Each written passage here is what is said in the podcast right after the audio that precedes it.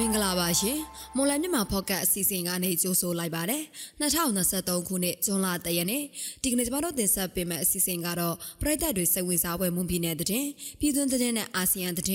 ည်ပေးပို့ချက်ပြည်သူတွေသိထားတဲ့နေ့စဉ်ကုန်စည်နှုန်းတည်အချို့တွေကိုအစီအစဉ်ပထမပိုင်းမှာရွေးချယ်တင်ပြပေးသွားမှာဖြစ်ပါတယ်။ ဒါအပြင်မြောက်ပိုင်းလက်နက်ကင်သုံးဖွဲ့နဲ့စစ်ကောင်စီတို့တွေ့ဆုံမှုနှွေဦးဒေါ်လာရေးအပေါ်တက်ရောက်မှုရှိနိုင်လားဆိုတဲ့သတင်းပေးပို့ချက်ကိုတင်ဆက်ပေးပါမယ်။ဟုတ်ကဲ့ပါဒီကနေ့အစီအစဉ်မှုကတော့ကျမနွန်တဲ့ကတာဝန်ယူတင်ဆက်သွားမှာဖြစ်ပြီးကျမနဲ့အတူကိုအာကာကသတင်းတွေကိုကူညီဖတ်ကြားပေးသွားမှာဖြစ်ပါတယ်။နောက်ဆင်ကြတဲ့ပရိသတ်အားလုံးကိုမင်္ဂလာပါလို့နှုတ်ခွန်းဆက်တာပါရစေ။ကျွန်တော်အာကာကသတင်းတွေကိုကူညီတင်ဆက်ပေးသွားမှာပါ။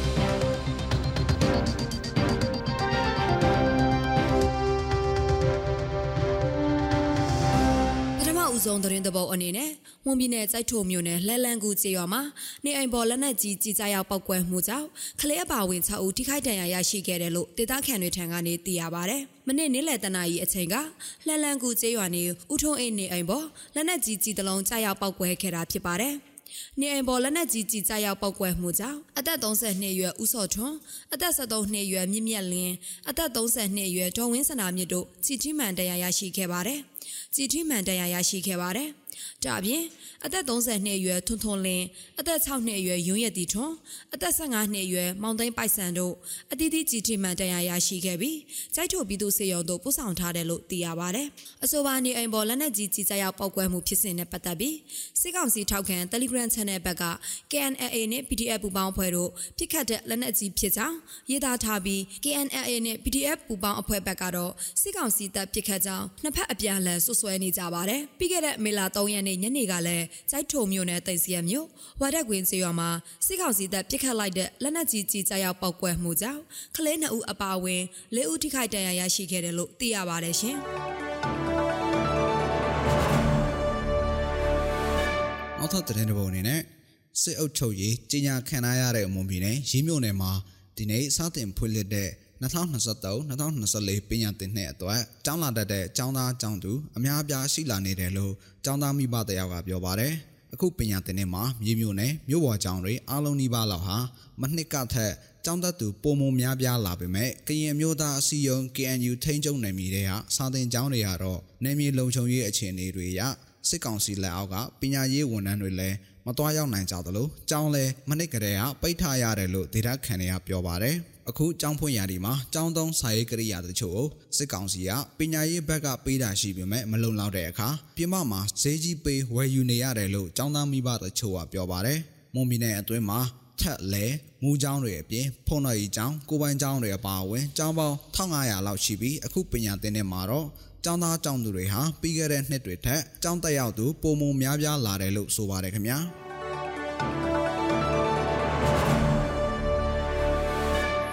သတင်းသဘောအနေနဲ့ မြန်မာနိုင်ငံမှာအာဏာသိမ်းနှစ်နှစ်ကျော်အကြာစေကောင်စီတပ်တွေအကြမ်းဖက်ပစ်ခတ်တပ်ဖြတ်မှုတွေကြောင့်နိုင်ငံတော်ဝန်အပြစ်မဲ့ကြဆုံပြည်သူ3600နီးပါးနဲ့ဖမ်းဆီးသိမ်းသိမ်းခံရသူပေါင်း22842ယောက်ထိရှိလာခဲ့ပြီးဖြစ်တယ်လို့နိုင်ငံရေးအကျဉ်းသားများကုညီဆောက်ရှောက်ရေးအသင်း AAPP ကထုတ်ပြန်ထားပါတယ်။ဒီစီရင်ဟာပြီးခဲ့တဲ့2021ခုနှစ်ဖေဖော်ဝါရီလ3ရက်နေ့ကနေ2023ခုနှစ်မေလ31ရက်နေ့အထိ AAPP ကကောက်ယူမှတ်တမ်းပြုစုထားတာဖြစ်ပြီးအမှန်တကယ်ကြဆုံသူတွေဟာတိထက်ပိုနိုင်တယ်လို့ဖော်ပြထားပါတယ်။နှွေဦးဒေါ်လာရေးကာလအတွင်းဒီနေ့အထိ18522ယောက်လက်ရှိ6000ခန်းထားရဆဲဖြစ်ပြီးအဲ့ဒီတဲက6132ယောက်ကတော့ထောင်ဒဏ်ချမှတ်ခံထားရပါတယ်။ဒေါ်လာရင်းနဲ့ဆက်ဆက်ပြီးတည်တံချမှတ်ခံထားရတာဟာအကျဉ်းထောင်တွေတဲ့ထိမ့်သိမ်းခံနေရသူအရေးအတွက်ကတော့134ယောက်ရှိနေပြီးမျက်ွက်တည်တံချမှတ်ခံထားရသူ52ယောက်အပါအဝင်121ယောက်ကတော့မျက်ွက်ပြည်တံချမှတ်ခံထားရတာကြောင့်တည်တံချမှတ်ခံထားရသူစုစုပေါင်း156ယောက်ရှိလာပါတယ်။လက်တလောအချိန်အထိဖမ်းဆီးခံရပြီးပြန်လည်လွတ်မြောက်လာသူဦးရေကတော့4320ယောက်ရှိခဲ့တယ်လို့ဆိုပါတယ်ရှင်။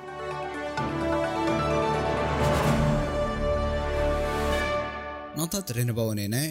ရခိုင်ပြည်နယ်မောင်တော်ခရိုင်ကဌာနဆိုင်ရာဝန်ထမ်းတွေဟာအရင် ARD အစိုးရလက်ထက်ကအထူးကိစ္စတရအနေနဲ့၃လတစ်ကြိမ်အမိန့်စာထုတ်ပြန်ကဝန်ထမ်းတွေကိုခန်းစားခွင့်ပြုထားခဲ့တဲ့လစာနှစ်ဆကိုအခုအာဏာသိမ်းစစ်ကောင်စီလက်ထက် AB လာကစပြီးဆက်လက်ခန်းစားခွင့်မရတော့တာကြောင့်ဝန်ထမ်းတွေစာဝတ်နေရေးအခက်တွေ့နေကြရပါတယ်။ရခိုင်ပြည်နယ်အတွင်းဖြစ်ခဲ့တဲ့ပဋိပက္ခတွေနဲ့ ကုံစင်းတုံးမြင့်မာတဲ့အတွက်မောင်းတော်ခရိုင်ဖြစ်တဲ့ဘူးရီတောင်မြို့နဲ့မောင်းတော်မြို့တွေကဌာနဆိုင်ရာဝန်ထမ်းတွေကိုမူရင်းလာစာရဲ့နှစ်စာကို NLD အစိုးရလက်ထက်ကအထူးကိစ္စတရက်အနေနဲ့သုံးလတစ်ကြိမ်အမိတ်ကြေညာစာတွေထုတ်ပြန်ကခန်းစားခွင့်ပြုထားခဲ့တာပါမောင်းတော်ခရိုင်မှာ2016-2019ခုနှစ်ကဖြစ်ပေါ်ခဲ့တဲ့ပြည်ပခါတွေကြောင့်2019ခုနှစ်အောက်တိုဘာလကစတင်ပြီး၎င်းချင်းပြည်နယ်ပလောဝမြို့နယ်မှာလည်း2020ပြည့်နှစ်ဒီဇင်ဘာလမှစပြီး၎င်း မူရင်းလာစာရဲ့နှစ်စာကို NLD အစိုးရလက်ထက်မှာအထူးကိစ္စတရက်အနေနဲ့၃လတစ်ကြိမ်အမိတ်စာထုတ်ပြန်ကနိုင်ငံဝန်ထမ်းတွေအားလုံးကိုခန်းစားခွင့်ပြုတာတာဖြစ်ပြီးအခုစစ်ကောင်စီလက်ထက်မှာ2023 AB လအားစပြီးခန်းစားခွင့်မပြုတော့တာလည်းဖြစ်ပါတယ်ခင်ဗျာ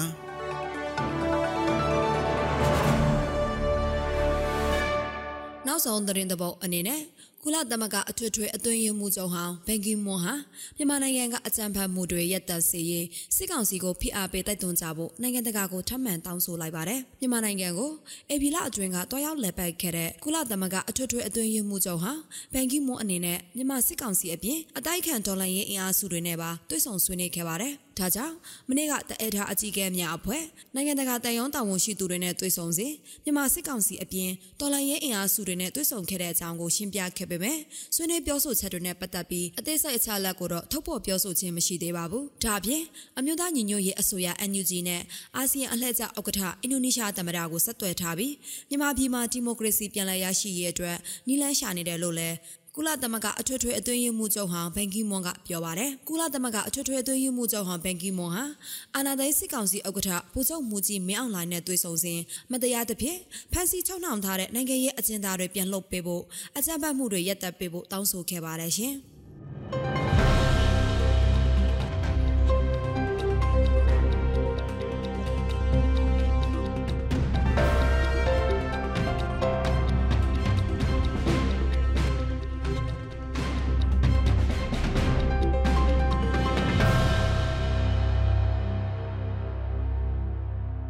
ဆက်လက်ပြီးပြည်သူတွေတည်ထားတဲ့နေ့စဉ်ကုန်စည်နှုန်းသတင်းအချို့တွေကိုမော်လမြိုင်ကုန်စည်တိုင်းကအချက်အလက်တွေကိုအခြေခံပြီးကျမနွန်တဲ့ကတင်ဆက်ပေးပါဦးမယ်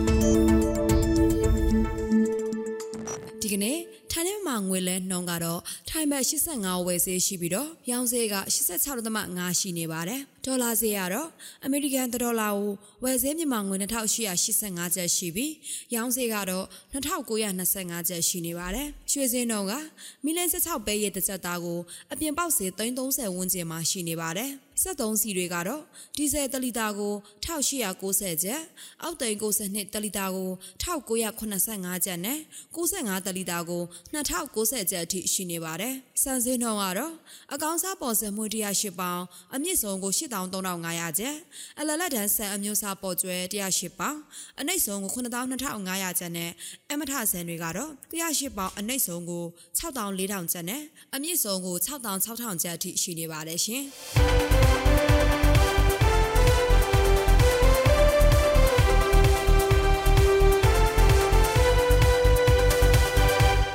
င်ဆက်ပေးသွားခဲ့တာကဇွန်လတရက်နေ့မှာဖြစ်ပျက်ခဲ့တဲ့မွန်ပြည်နယ်သတင်းပြည်တွင်းသတင်းနဲ့အာဆီယံသတင်းတွေအပြင်တနေ့တာစီစီငွေစင်းနဲ့ကုန်စည်နှုန်းတွေကိုတင်ဆက်ပေးသွားတာဖြစ်ပါတယ်။ဆက်လက်ပြီးတော့မြပိုင်းလက်နက်ကင်သုံးဖွဲ့နဲ့စစ်ကောင်စီတို့တွေ့ဆုံမှုຫນွေဦးဒေါ်လာရေးအပေါ်တက်ရောက်မှုရှိနိုင်လားဆိုတဲ့သတင်းပေးပို့ချက်ကိုနှစ်တီကတင်ဆက်ပေးပါအောင်မယ်။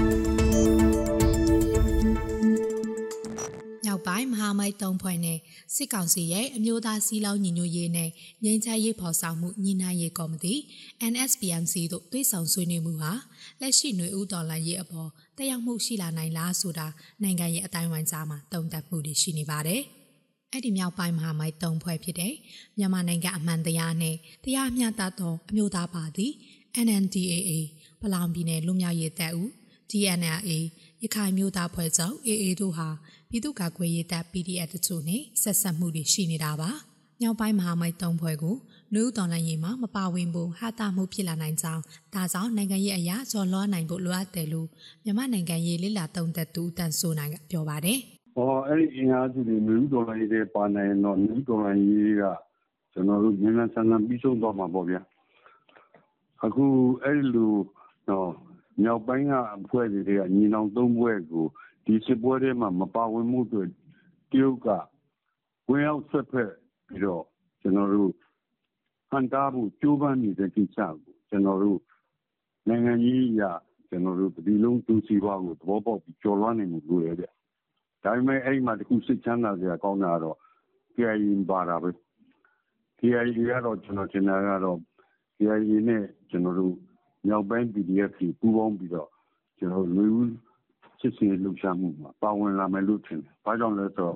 သူကနိုင်ငံရေးစင်လာရှိတဲ့အဲတိုင်းနာလည်းငယ်ဖွဲ့စည်းဖြစ်တာပေါ့။ဒါကြောင့်မို့တရုတ်ကပြောတိုင်းတော့လက်ခံမယ်လို့မထင်ဘူး။ဂျန်နယ်သုံးဘွဲကတော့တရုတ်ရဲ့ပါဝင်ဆက်ဖွဲ့မှုကတော်တော်ကိုဆိုးဝါးနေဆိုင်ဆိုလိုတာကအခုကတရုတ်တပြည်လုံးနေမဟုတ်ယူနန်ပြည်နယ်ကနေတော့ဗမာရေးရနဲ့ပတ်သက်ပြီးတော့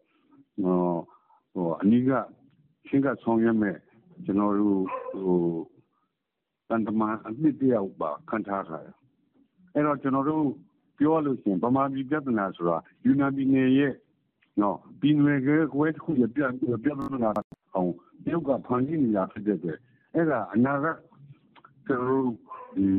ကျွန်တော်တိုင်းပြည်တည်ဆောက်ရေးအတွက်ရောနောက်အခုလောလောဆယ်ကျွန်တော်တို့ဒီနေဦးတော်လိုင်းရေးအတွက်ရောကြီးမားတဲ့ နော်အဟံတားကြီးဖြစ်တယ်ကျွန်တော်တို့အဲ့ဒါတွေကိုနိုင်ငံရေးကတိုင်းသားလည်းနဲ့ကန်ဖွဲ့ပြီးတော်လွှမ်းနေမှုလိုတယ်လို့ကျွန်တော်မြင်ပါတယ်ခင်ညောင်ပိုင်းမဟာမိတ်တုံဖွဲ့နဲ့ NSPNC တို့ဟာမိုင်လာမြို့မှာဒီကနေ့မှစတင်ဆွေးနွေးတာပါ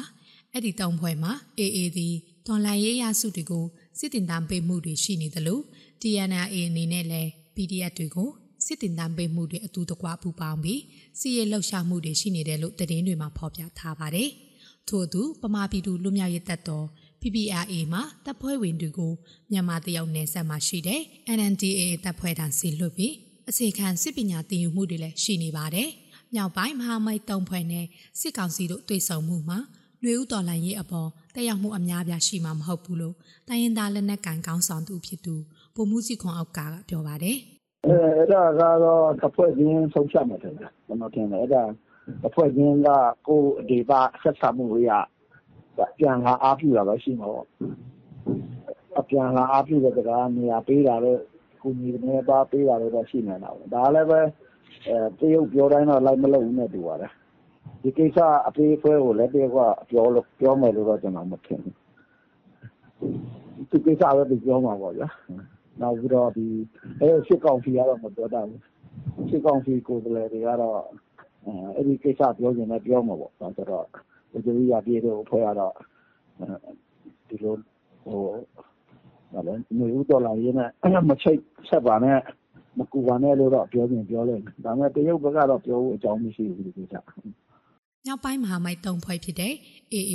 DNA NNDA တို့ဟာနိုင်ငံရေးစီးရေးတို့ကိုအတူပူးတွဲလှုပ်ရှားနေတဲ့တိုင်းရင်းသားလက်နက်ကိုင်အဖွဲ့အစည်းတွေဖြစ်ပါတယ်ရှင်။